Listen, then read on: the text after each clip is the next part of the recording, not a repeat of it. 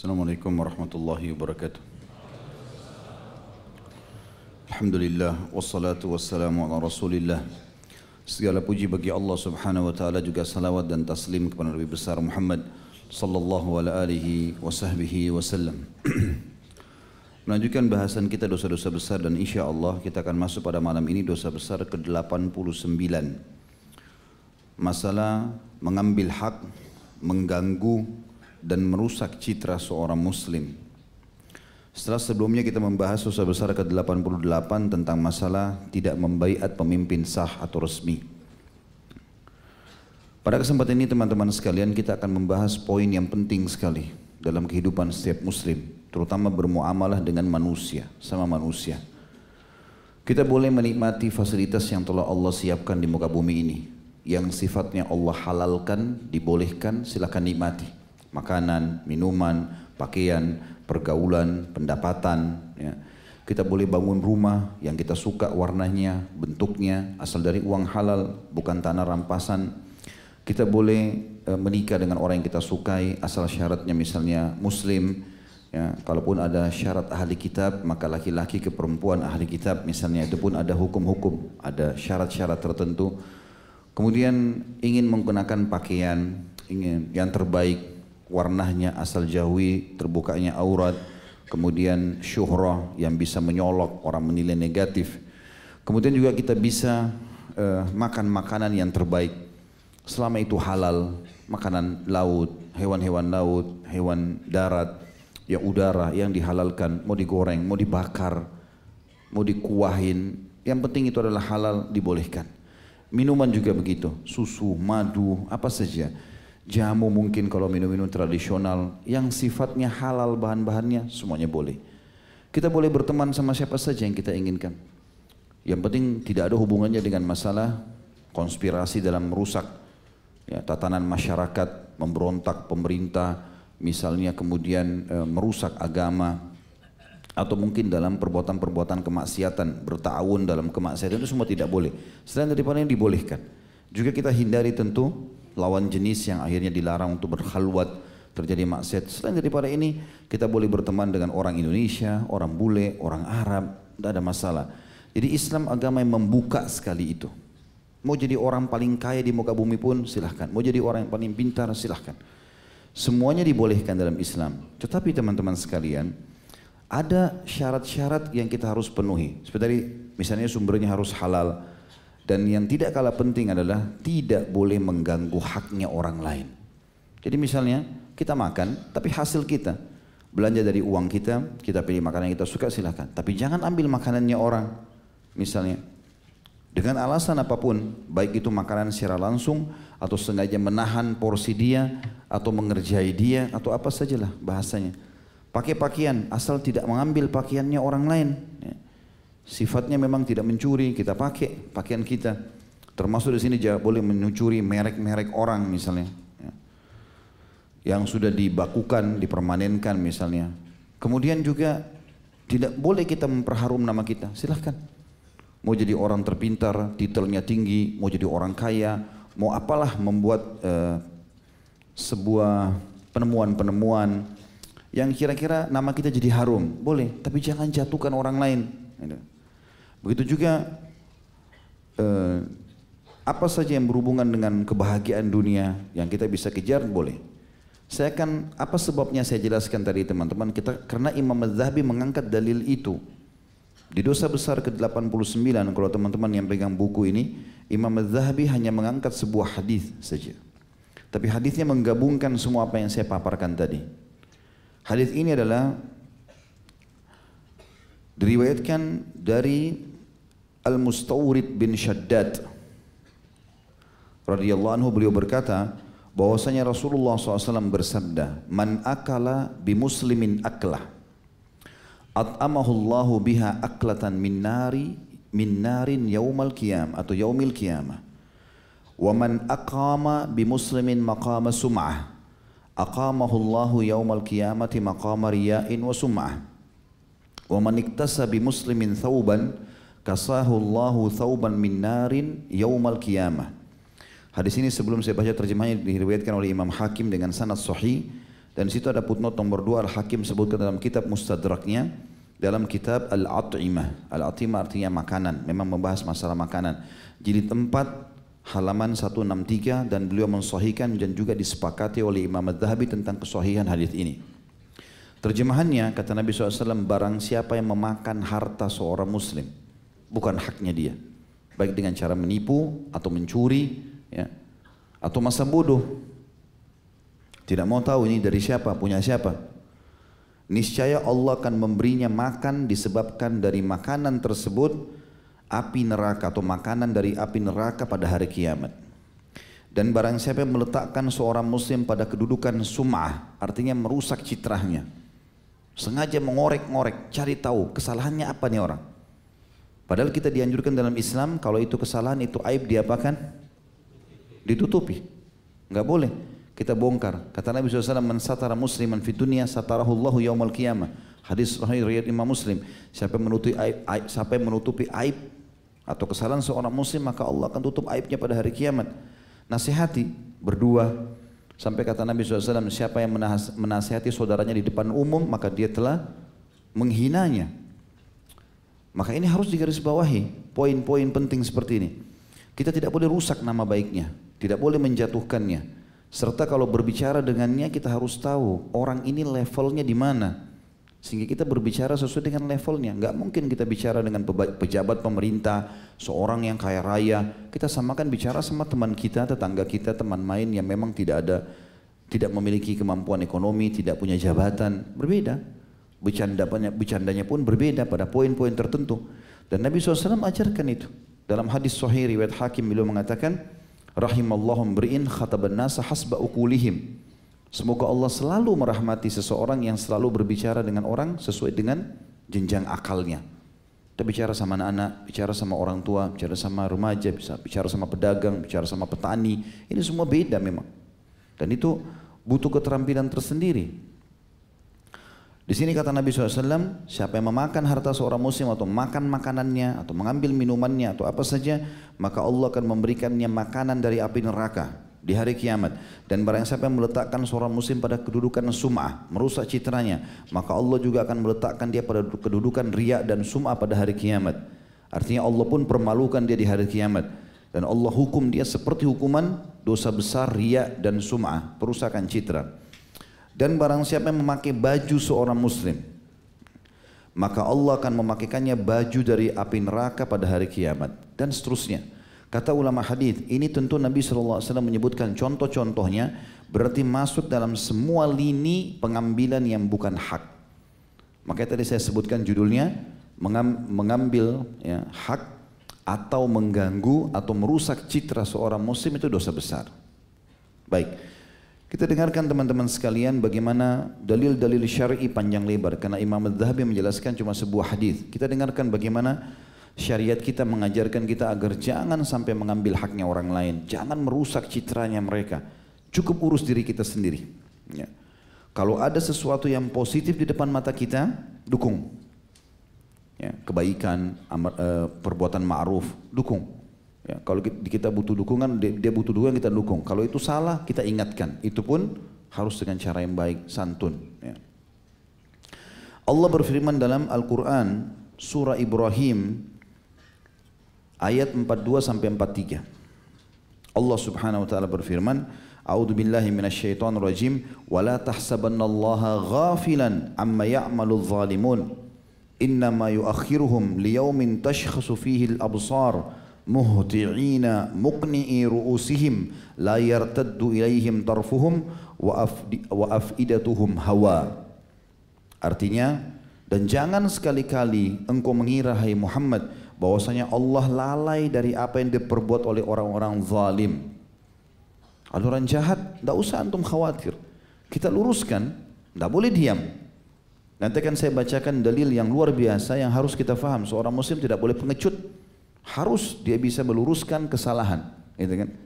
Dia luruskan, dia perbaiki namanya, dia membela dan itu nanti Allah akan jadikan kebenaran mengalahkan kebatilan.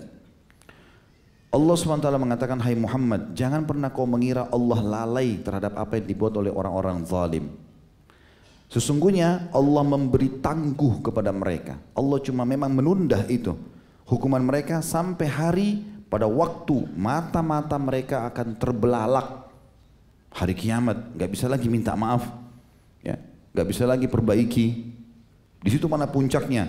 Mereka datang bergegas-gegas dengan mengangkat kepala mereka sedang mata mereka tidak berkedip dan hati mereka kosong hampa. Artinya pada hari kiamat. Saudaraku siman, kita kalau sedang terzalimi harus membela diri. Tidak boleh juga diam. Jangan bilang, oh saya sabar, nggak usah saya balas. Kita bukan tujuannya balas, meluruskan. Beda ya, membalas dengan meluruskan, beda. Harus difahami poin ini. Karena kalau dirusak citra kita, kita dalam Islam dilarang berdebat, dilarang berantem, nggak boleh. Sama-sama muslim, sudah biarin aja dia berantem. Saya pernah bilang kan kalau diajak berantem, biarin aja dia berantem sama tembok. Dia bertengkar sama tembok. Tapi kalau kita diserang, kita membela. Gak mungkin kita biarin tubuh kita dipukulin. Nanti saya akan bacakan dalilnya banyak masalah itu. Kalau tidak dia akan berbuat kezaliman-kezaliman yang banyak. Ada banyak orang subhanallah, dia berbuat kezaliman nih. Allah memang mau kezalimannya berhenti di tangan kita, semestinya. Karena dia sudah tipu mungkin dua tiga orang sebelum kita. Tapi ternyata kita juga sama perilakunya dengan dua tiga orang yang sudah ditipu. Gak mau peduli, ketakutan, tidak mau meluruskan. Akhirnya Allah pindahkan lagi dia. Dia berbuat lagi kezaliman sama orang yang ketiga, yang keempat, yang kelima. Sampai nanti ada orang yang memberhentikan dia. Dan memang harus kita berhentikan, tidak boleh tidak. Semampu kita. Kata ulama yang penting kita sudah ikhtiar. Kalau kita tidak ikhtiar ini yang jadi masalah. Coba teman-teman perhatikan ayat Al-Quran yang berbicara masalah itu dalam surah Ash-Shura. Ya. Surah nomor 42, dibuka Al-Qurannya supaya tahu. Lihat di handphonenya. Ini dalil yang sangat tegas kalau seorang muslim tidak boleh jadi pengecut. Harus tegas. Tapi membela kebenaran. Dan kalau sampai pun kita membela kebenaran terbunuh dalam kebenaran tersebut, kita mati syahid. Tapi bukan kita yang sengaja ribut, enggak. Di ayat 30 9 ya. 39 sampai 41. Saya bacakan ayat 39. Perhatikan. A'udzu billahi. Walladzina idza asabahumul bagyu hum yantasirun. Apa terjemahannya? Dan bagi orang-orang yang apabila mereka diperlakukan dengan zalim, mereka apa? Membela diri. Enggak boleh diam. Kamu buat begini? Enggak, saya enggak buat. Kita harus bela diri. Ah nggak usah saya bicara, biarin aja nanti Allah yang urus. Ya enggak. Luruskan. Tapi bukan berarti kita balas kebodohan dengan kebodohan. Mereka teriak-teriak, kita teriak-teriak. Enggak, enggak. Jangan balas kebodohan dengan kebodohan. Tapi kita luruskan. Tidak boleh diam. Membela diri sini artinya dia tahu bagaimana menyampaikan. Dan membela diri bukan harus berantem, bukan harus ribut. Enggak. Kita luruskan. Ada orang yang menyebarkan informasi tentang saya seperti ini. Maka saya luruskan seperti ini. Sudah. Tapi nggak boleh diam karena membela diri ini penting, gitu kan? Allah suruh dari ayat ini. Kemudian ayat 40-nya Allah bilang, "Wa jazaa'u sayyi'atin sayyi'atun mithluha." Faman 'afa wa aslaha fa ajruhu 'ala Allah. Innahu la yuhibbul zalimin. Dan balasan suatu kejahatan adalah kejahatan yang serupa. Siapa yang buat kejahatan, pasti Allah akan hukum. Yang penting kita tegakkan di situ. Saya yakin teman-teman kita aparat TNI, Polri ini dibentuk begitu pula dengan di semua negara-negara yang lain. Tujuannya sebenarnya karena ada kepedulian membela orang yang sedang salah, gitu kan? Meluruskan orang yang salah, memandu orang kepada yang benar. Ada orang yang tersentuh jiwanya mau itu, gitu kan? Mau melakukan itu. Kalau orang berbuat jahat maka balasannya kejahatan pula, maksudnya hukuman juga. Maka barang siapa kalau misalnya ada orang pernah buat salah sama kita, lalu kemudian dia datang, maafin saya ya, dulu saya pernah buat salah. Kita ketemu di pengajian begini, pernah ada teman SMA dulu pernah tonjok kita misalnya. Atau pernah ngambil pena kita, atau pernah olok-olok. Kita malas nggak mau berantem sama dia. Sekarang tiba-tiba muncul di pengajian sudah berjenggot, Masya Allah. Loh ini dulu yang berantem sama saya nih. Tiba-tiba dia salaman, maaf ya, Assalamualaikum salam. Saya dulu salah. Saya baru tahu sekarang, mohon maaf. Apa yang kita harus lakukan? rangkul, maafin. Benar ya? Maafin. Jangan cuma maafin tapi enggak. Jadi maafin. Allah bilang perhatikan Maka barang siapa yang memaafkan, kalau ada orang sudah salah tapi dia minta maaf, syaratnya dia minta maaf. Dan berbuat baik, orang itu mau jadi baik, mau meluruskan kesalahannya, lalu dia terima itu, maka pahalanya ditanggung oleh Allah. Allah akan kasih dia pahala dengan niat baik itu. Sesungguhnya dia tidak menyukai orang-orang zalim. Dia jangan kezaliman balas kezaliman. Di ayat 41 Allah ulangi lagi. Walaman intasara ba'da zulmihi faulaika ma'alaihim min sabil.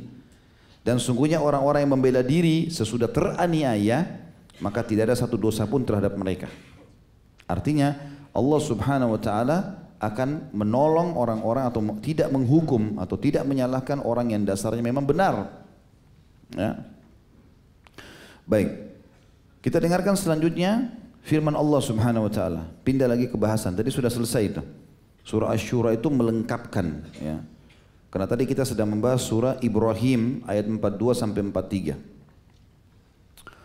Tentang Allah Subhanahu wa taala tidak lalai terhadap perbuatan orang-orang zalim. Ya.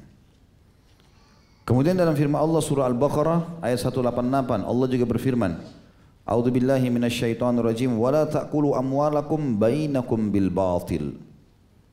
Lanjutan ayatnya wa tudlu biha ilal hukam Jangan pernah sebagian kalian memakan harta sebagian yang lain dengan jalan yang batil.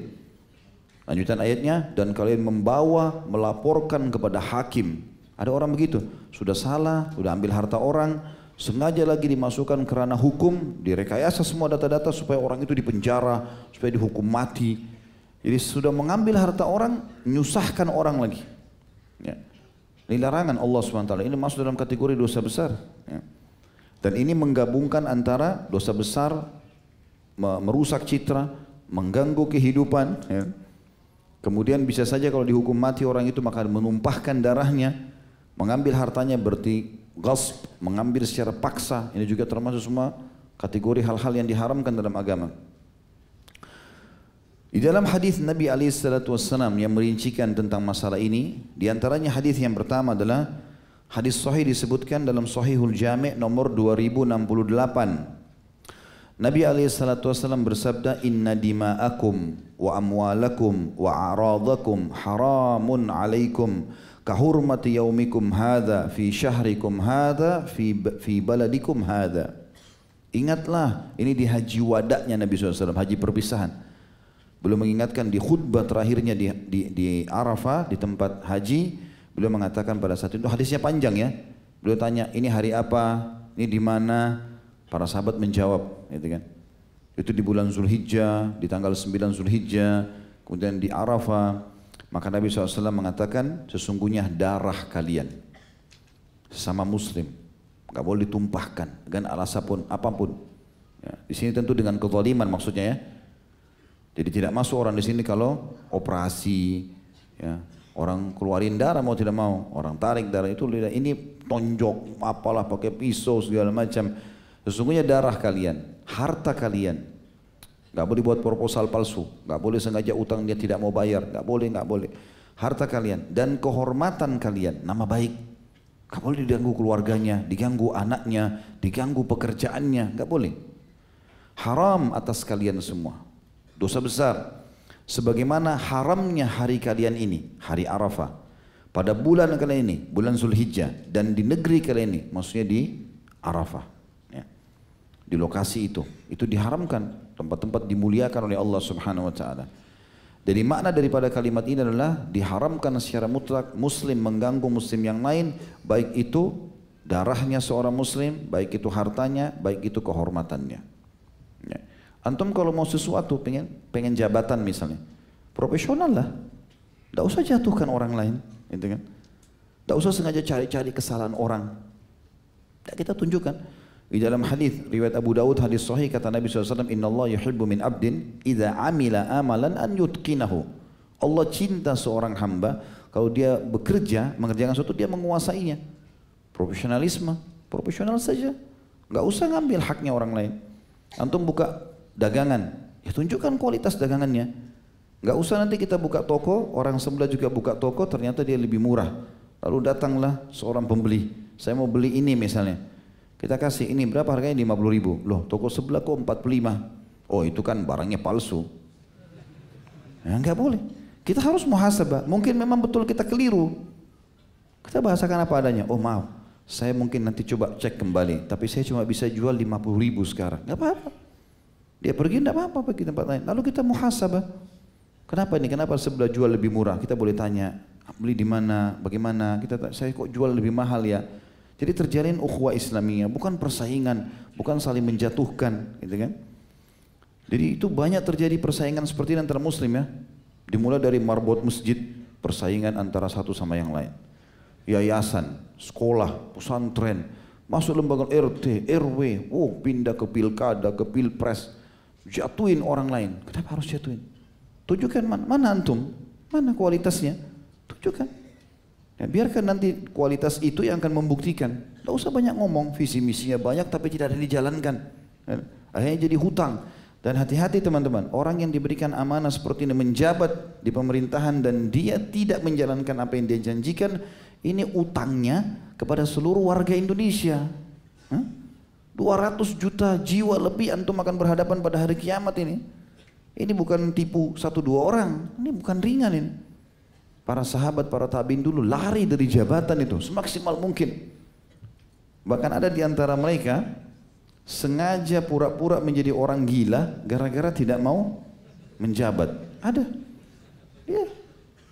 Ibnu Qayyim menyebutkan itu di dalam salah satu buku beliau tentang hikmah-hikmah yang bisa diambil dari orang-orang yang dianggap gila. Begitu.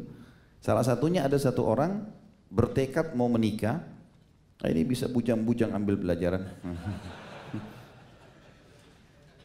dia mau menikah tapi dia bertekad akan bermusyawarah dengan 100 orang. 100 orang. Dia bilang demi Allah saya akan bicara dengan 100 orang. Dia datanglah kepada orang yang pertama. Bagaimana menurut kau tentang pernikahan? Tentu ini kalau yang musyawarah sama 100 orang saya tidak sarankan ya. Terlalu lama. Nanti antum ubanan nanti. Tapi dia tanya satu, dua, tiga, empat sampai sembilan puluh sembilan. Rupanya banyak orang kasih saran. Ada yang bilang menikahlah. Kalau kebetulan yang lagi gembira nikah, oh menikah bagus. Kalau yang lagi ada masalah jangan. Kesimpulannya, pas sudah 90% tinggal 100. Dia bilang cukup kali. Tapi saya sudah bersumpah atas nama Allah harus tanya 100. Pas dia lihat di depannya tidak ada orang lain kecuali orang gila. Penampilannya kayak orang gila, bajunya kotor, rambutnya acak-acakan. Dia bilang saya sudah sumpah atas sama Allah, nggak apa-apa, saya tanya nih orang gila. Sudah bilang, saya mau tanya, bisa? Kata orang gilanya, tanya yang perlu buat kamu dan jangan tanyakan yang tidak perlu. Kata orang gila ini. Dia bilang, baiklah. Bagaimana menurut kau tentang pernikahan? Kalau saya mau nikah, nikah atau enggak nih? Dia bilang, kalau kau mau dengar saran saya, perempuan itu ada tiga.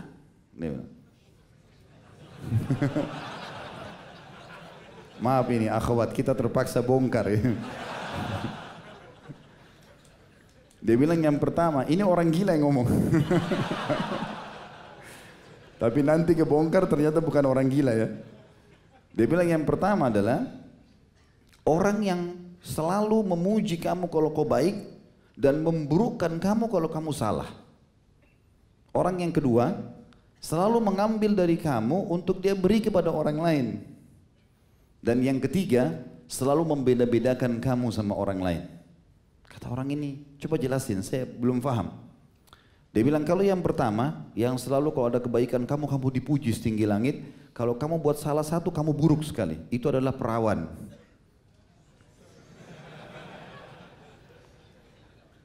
Kalau kita baik sama dia, uh, luar biasa. Begitu salah sedikit, Habis ceritanya. Begitu Nabi SAW bilang. Kata Nabi SAW dalam hadis Bukhari kepada para sahabat, kalian paling banyak penghuni neraka. Ini ada yang bela di sini katanya surga. Hadisnya kalian paling banyak penghuni neraka. Ini perempuan yang dia ngomong sama Nabi SAW. Kata satu orang sahabat, kenapa ya Rasulullah? Kenapa kami? Kata Nabi SAW, karena kalian paling banyak memungkiri kebaikan suami. Sampai Salah seorang di antara kalian kalau suaminya berbuat baik kepadanya satu dahar. Satu dahar itu bisa satu tahun, bisa satu abad. Setahun penuh, 365 hari baik sekali. Begitu dia berbuat sayat salah, satu salah suaminya, maka kalian bisa berkata, saya tidak pernah lihat kebaikan darimu selamanya. Itu resiko nikah sama gadis. Jadi kalau antum nikah sama gadis, ya, ndak usah mengkhayal kebaikan antum disebut-sebut, enggak. Masa saya sudah bersiapkan rumah, saya sudah pin mobil, ndak dinilai. Memang dia nggak nilai. Bagi dia kebutuhan saya selesai. Harus siap untuk itu. Ya. Kalau yang kedua, yang mengambil dan memberi orang lain adalah kau nikah sama janda yang punya anak. Maka resikonya adalah dia meminta sama kamu untuk dikasih ke anaknya padahal itu bukan darah dagingmu. Kalau yang ketiga suka banding-bandingkan kamu sama orang adalah janda juga tapi dia punya pengalaman. Ini mungkin tidak punya anak tapi dia punya pengalaman hidup. Kalau kau lebih baik dari suaminya yang dulu, dia akan katakan kamu lebih baik. Kalau suaminya dulu lebih baik, maka dia akan katakan suami saya dulu lebih baik. Kata si orang yang bertanya ini, Kok membuat saya bingung ini? Sebab semuanya bu. yang mana saya nikah ini? Maka kata dia, ya itu jawaban saya. Kata orang ini apa? Saya sudah saya bersumpah atas nama Allah. Dia bilang gini, saya mau tahu siapa kamu. Kata orang gilanya apa? Kan saya sudah bilang, nanya yang penting buat kamu, jangan tanya yang tidak penting. Kau kan sudah nanya, saya sudah kasih jawaban. Tidak usah tanya saya siapa. Kata dia, saya bersumpah atas sama Allah. Saya mau tahu siapa kamu. Kata orang gilanya apa? Saya adalah seseorang pejabat pemerintah yang ditunjuk oleh sultan, raja untuk jadi hakim.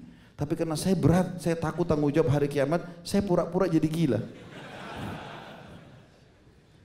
Makanya kadang-kadang jangan lihat performanya orang, bisa saja dia pura-pura gila gitu. Ya.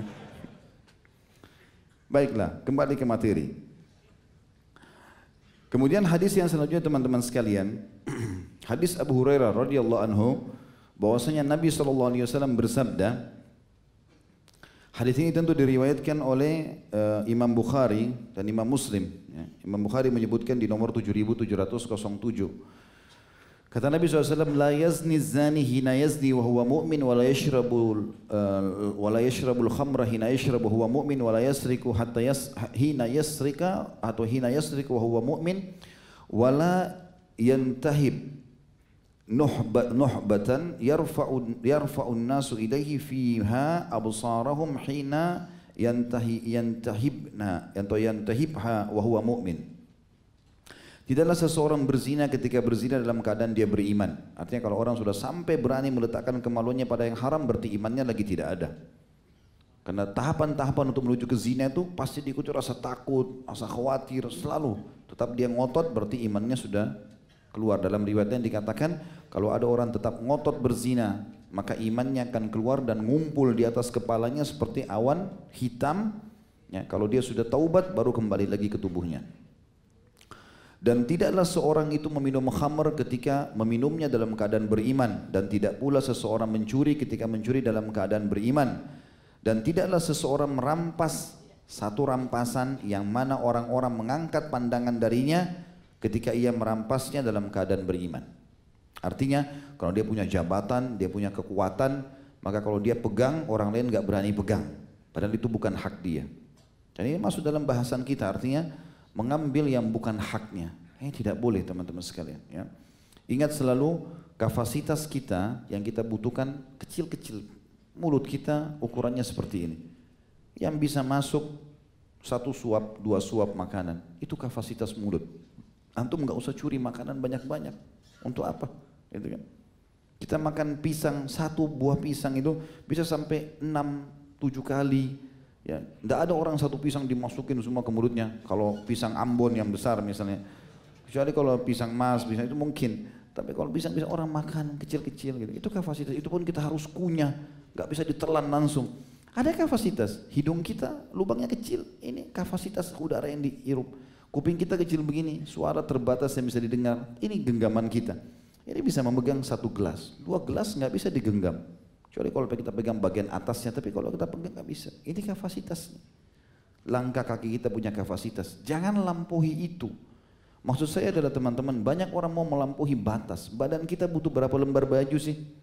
Dua lembar, baju kos dalam sama luar. Kalau antum pakai tiga, pakai empat, udah kepanasan, berat. Ya. Apalagi kita di Indonesia tidak ada musim dingin misalnya. Maka untuk apa melampaui itu? Ambil korupsi uang dari negara, dari kantor, dari mana-mana hanya untuk beli baju, beli sepatu. Untuk apa ini? Antum nggak bisa pakai semuanya gitu. Jadi untuk apa terjerumus pada itu kan? Melampaui kapasitas untuk apa? Sementara itu punya tanggung jawab semua pada hari kiamat. Kembali ke hadis tadi, hati-hati siapa yang mengambil pakaian seorang muslim. Di sini kata sebagian ulama, bisa saja uang itu haknya seorang muslim, mungkin teman kantornya, mungkin bawahannya, dia punya THR misalnya, lalu diambil, dikurangi atau hak apa. Kemudian dia gunakan untuk beli baju, sama saja. Ya, ini poinnya sama. Dan subhanallah, rata-rata uang haram itu larinya kepada sesuatu juga yang sifatnya tidak dibutuhkan. Foya-foya, pakaian, jalan-jalan, Uang haram itu nggak akan dipakai untuk kebaikan. Memang orang tidak terdorong dan Allah tidak izinkan dia. Nggak ada orang dapat uang surian lalu ke masjid nih, saya kasih masjid. Ah, antum temukan di diskotik, di karaoke, ya, di mana-mana uang haram gitu. Kemudian dalam hadis yang lain, hadis ini tentu diriwayatkan dengan sanad hasan oleh Abu Dawud di jilid 13 eh, halaman 346 dan nomor hadisnya 4982. Rasulullah SAW bersabda, La ya'khudu ahadukum mata akhihi la'iban wala jadan wa man akhadha asa akhihi. Janganlah salah seorang dari kalian sengaja mengambil barang saudaranya muslim baik dengan cara main-main atau sungguhan. Bercanda pun tidak boleh. Sengaja sembunyikan barangnya, enggak boleh. Walaupun nanti kita kembalikan, itu sudah ada larangannya. Apalagi kalau sungguhan dan barang siapa yang berani mengambil tongkat saudaranya, hendaklah ia mengembalikan. Mana tongkat? Di zaman dulu teman-teman, walaupun anak muda, ya, apalagi kalau lagi di musim dingin, biasanya mereka pakai tongkat. Karena orang jalan di padang pasir, anginnya kencang. Tongkat itu dipakai untuk menopang. Jadi bukan berarti orang tua. Disebutkan dalam beberapa riwayat Nabi SAW juga punya tongkat. Makanya Nabi berikan isyarat tongkat. Dan tongkat itu murah sekali harganya pada zaman itu dan orang semua bisa dapatkan. Maka Nabi SAW menggunakan siapa yang mengambil tongkat saudaranya artinya yang sangat murah dan bisa didapatkan mudah. Orang juga tidak semuanya mau mengambil untuk apa gitu. Mudah didapat, murah harganya. Maka tetap dia harus mengembalikannya. Kena larangan untuk mengambil harta seorang muslim. Kemudian dalam hadis yang lain, hadis ini diriwayatkan oleh Imam Bukhari di jilid 5 halaman 101 dan nomor hadisnya 2449 dan diriwayatkan Tirmidzi di jilid 4 halaman 36 nomor 2534 Rasulullah SAW bersabda man kanat lahu madlamatun li akhihi min irdihi aw syai'in aw syai'in falyahmadillaha minhu al-yawm maaf falyataha uh, Man kana lahu madlama li akhihi min irdihi aw syai'in falyaruddaha minhu al-yawm qabla alla yakuna dinarun wala dirhamun. In kana lahu amalun salih ukhidha minhu biqadari madlamatihi wa in lam takun lahu hasanat ukhidha min sayiati sahibihi fahumila alaih artinya barang siapa berbuat kezaliman kepada saudaranya muslim dengan dalam kehormatannya merusak citranya atau sesuatu yang lain, benda-benda materi yang diambil, maka hendaklah ia meminta kehalalannya pada hari ini, maksudnya di dunia, sebelum datang hari akhirat, hari kiamat, yang tidak ada lagi gunanya dinar dan dirham. Apabila ia mempunyai amalan ya, soleh, maka akan diambil darinya sekadar kezalimannya. Dan apabila ia tidak mempunyai kebaikan, maka akan diambil dari kejelekan orang yang dia zalimi kemudian ditimpahkan kepadanya. Ini tentu teman-teman sekalian poin yang sangat jelas. Bagaimana seseorang di antara kita memahami tidak boleh sama sekali mengambil hak seseorang muslim. Tentu kalau ada yang bertanya Ustaz lalu bagaimana dengan hak orang non muslim? Sama saja. Jadi kalau kita berbicara muslim berarti kita bicara sesuatu yang paling besar bobotnya. Gitu kan. Dan orang non muslim masuk dalam bahasan. Tapi seorang muslim bobotnya lebih besar. Seperti misalnya durhaka sama orang tua beda dengan berbuat jahat dengan orang lain. Tapi dua-duanya kesalahan. Orang yang mempertahankan hartanya, tadi sudah saya bacakan surah Ash-Shura, kita disuruh mempertahankan dan membela diri. Kalau ada orang yang mempertahankan hartanya sampai dia terbunuh, kita lagi bawa harta, dirampas, diserang. Kalau kita mau lepas itu hak kita, tapi kalau kita mau membela diri sampai hanya kita terbunuh, itu mati syahid. Walaupun yang membunuh kita seorang muslim. Beranjak daripada hadis Nabi alaihi salatu Hadis ini diriwayatkan oleh Imam Muslim di jilid 1 halaman 124, nomor hadisnya 140 dan An-Nasai di jilid 7 halaman 114. Ada seseorang bertanya kepada Nabi SAW, kata Abu Hurairah radhiyallahu anhu, Ya Rasulullah, Ara'aita in ja'a rajulun yuridu akhdha mali. Qala fala tu'tihi. Malak la tu'tihi malak. Qala ara'aita in qatalani? Qala qatilhu. Qala ara'aita in qatalani qala fa anta syahid qala in qataltuhu? Qala fa huwa finnar. Kata Nabi SAW orang ini mengatakan wahai Rasulullah apa pendapat anda jika ada seseorang yang datang mau mengambil hartaku? Mau ngerampas nih. Saya lagi bawa apa? Mau rampas mau dirampok. Kata Nabi SAW jangan engkau kasih. Ini sabda Nabi, jangan kasih. Pertahankan. Lalu orang itu bertanya lagi, bagaimana kalau dia membunuhku, menyerangku, membunuhku, menyerangku ya, memukulku, kata Nabi SAW, perangi dia, lawan. Tidak boleh diam. Jangan lepaskan. Lalu kata orang itu, bagaimana kalau dia sempat membunuhku, aku yang mati? Kata Nabi SAW, engkau mati syahid. Lalu orang ini tanya lagi, bagaimana kalau aku yang membunuhnya? Bagaimana nasibnya dia? Kata Nabi SAW, dia di neraka. Dianya di neraka. Kalau kita sempat membunuhnya, dia di neraka. Dan kita pun tidak dihukum secara syar'i karena memang membela hak. Di dalam hadis yang lain, ini tentu kita mengambil dari semua sisi hadis ya, karena bukan terkerucut pada sebuah bahasan. Intinya mengambil yang bukan hak, bisa pakaian, bisa makanan, bisa tanah, bisa apalah jabatan segala macam. Contohnya misalnya kalau tanah, ada hadis Nabi SAW, Sa'id ibn Zaid radhiyallahu uh, anhu berkata, aku mendengarkan Rasulullah SAW bersabda, "Man dhallama minal ardi syai'an tuwika min sab'i aradin." Barang siapa yang mengambil sedikit tanah dengan cara zalim, riwayat lain shibr, satu jengkal saja tanah yang bukan haknya beli tanah kafling ternyata orang ini sebelah belum bangun belum tahu dia mau bangun lalu dia pindahin pindahin patoknya sejengkal setengah meter saja. Tapi kali ke belakang sekian meter. Sejengkal saja kata Nabi SAW maka Allah akan mengalungkan kepadanya tujuh lapis bumi pada hari kiamat. Hadis ini riwayat Bukhari Muslim di jilid 5 Imam Bukhari di jilid 5 nomor eh, di halaman 103 nomor hadisnya 2452 dan Imam Muslim jadi 3 halaman 1230 nomor 1610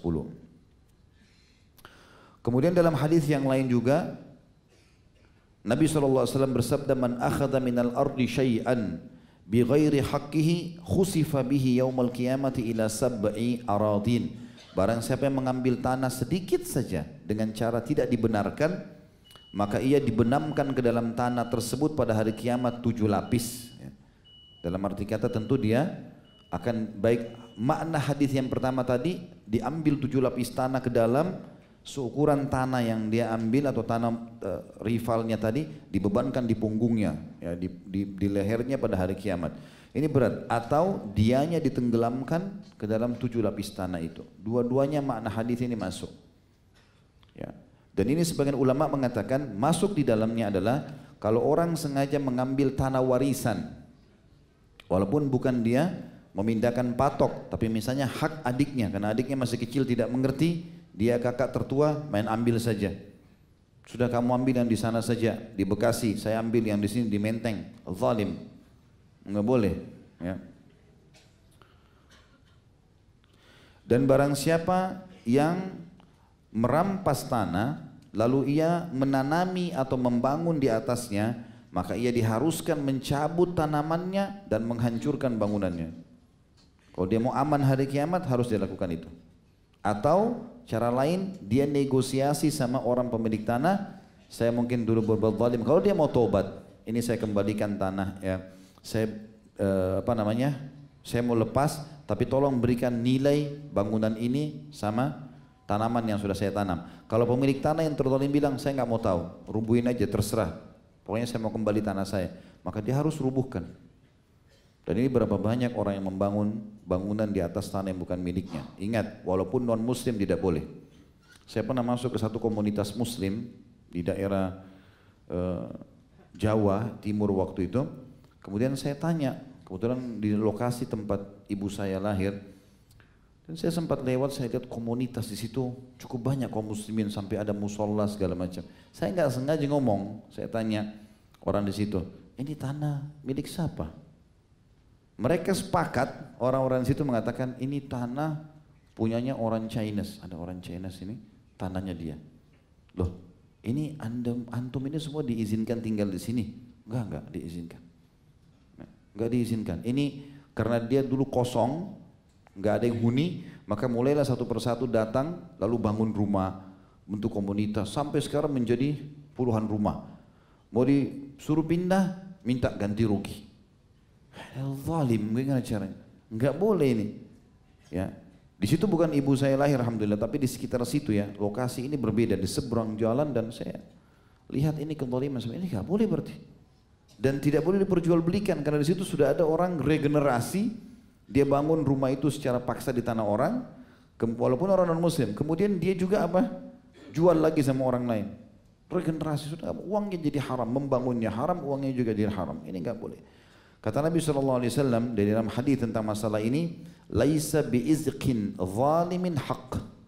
Tidak ada hak bagi keringat orang yang zalim. Ini tidak boleh sama sekali. Hadis ini riwayat Tirmidzi di nomor 1113. Ya. Tepatnya di jilid 11 halaman 419, Al-Baihaqi di jilid 6 di halaman 142. Dan yang terakhir teman-teman sekalian adalah hadis Nabi sallallahu alaihi wasallam Hadis ini hadis mulia dan ini diriwayatkan oleh Imam Tirmidzi dan dihasan sahihkan di jilid 2 halaman 410 nomor hadis 1378. Nabi wasallam bersabda, "Man zara'a fi ardi qaumin bighairi idnihim falaysa lahu minaz zar'i syai'un wa lahu nafaqatuhu." Barang siapa yang menanam di atas tanah satu kaum tanpa seizin mereka, maka ia tidak memiliki apa pun dari tanaman itu namun ia mendapatkan nafkahnya. Artinya, kalau orang sengaja menanam di tempat seseorang yang bukan punik dia, maka tetap berarti hasil panennya kelapa sawit ke apalah apalah bisnis mengambil secara paksa tanah masyarakat misalnya maka berarti pohon itu pun haknya masyarakat itu bukan haknya dia lagi. Siapa suruh dia keluarkan uang di situ? Sebagian ulama mengatakan dibolehkan kalau dia mau menilai itu. Itu pun kalau pemilik tanah mau. Kalau enggak silahkan dicabut misalnya. Ya sudah. Seperti itulah Kesimpulan yang kita sampaikan teman-teman sekalian tidak boleh masuk ke zona dan ranah orang lain. Sudah, cukupkan dengan kebutuhan kita. Sampai kata Nabi SAW masalah makanan, wahai anak Adam, cukupkan dengan makanan yang bisa meluruskan tulang belakangmu. Artinya nikmati saja yang Allah kasih kamu, nggak usah masuk ke zonanya orang lain. Tidak terjangkau oleh mata, jangan dicampuri. Gak usah sengaja ngintip. Nanti ada dosa besar khusus mengintip, nggak boleh.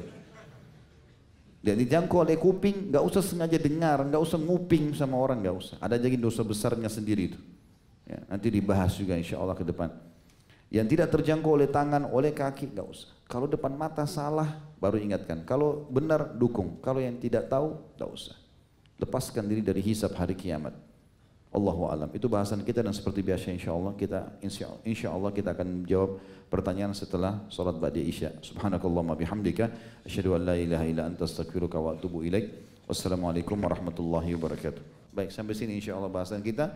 Semoga bermanfaat apa yang kita bahas dan semoga seluruh amal yang pernah kita kerjakan tidak terkecuali kecil ataupun besar semuanya diterima dengan pahala yang sempurna dan semua dosa yang pernah kita lakukan tidak terkecuali juga dimaafkan oleh Allah dengan kemahamurahannya dan diganti menjadi pahala.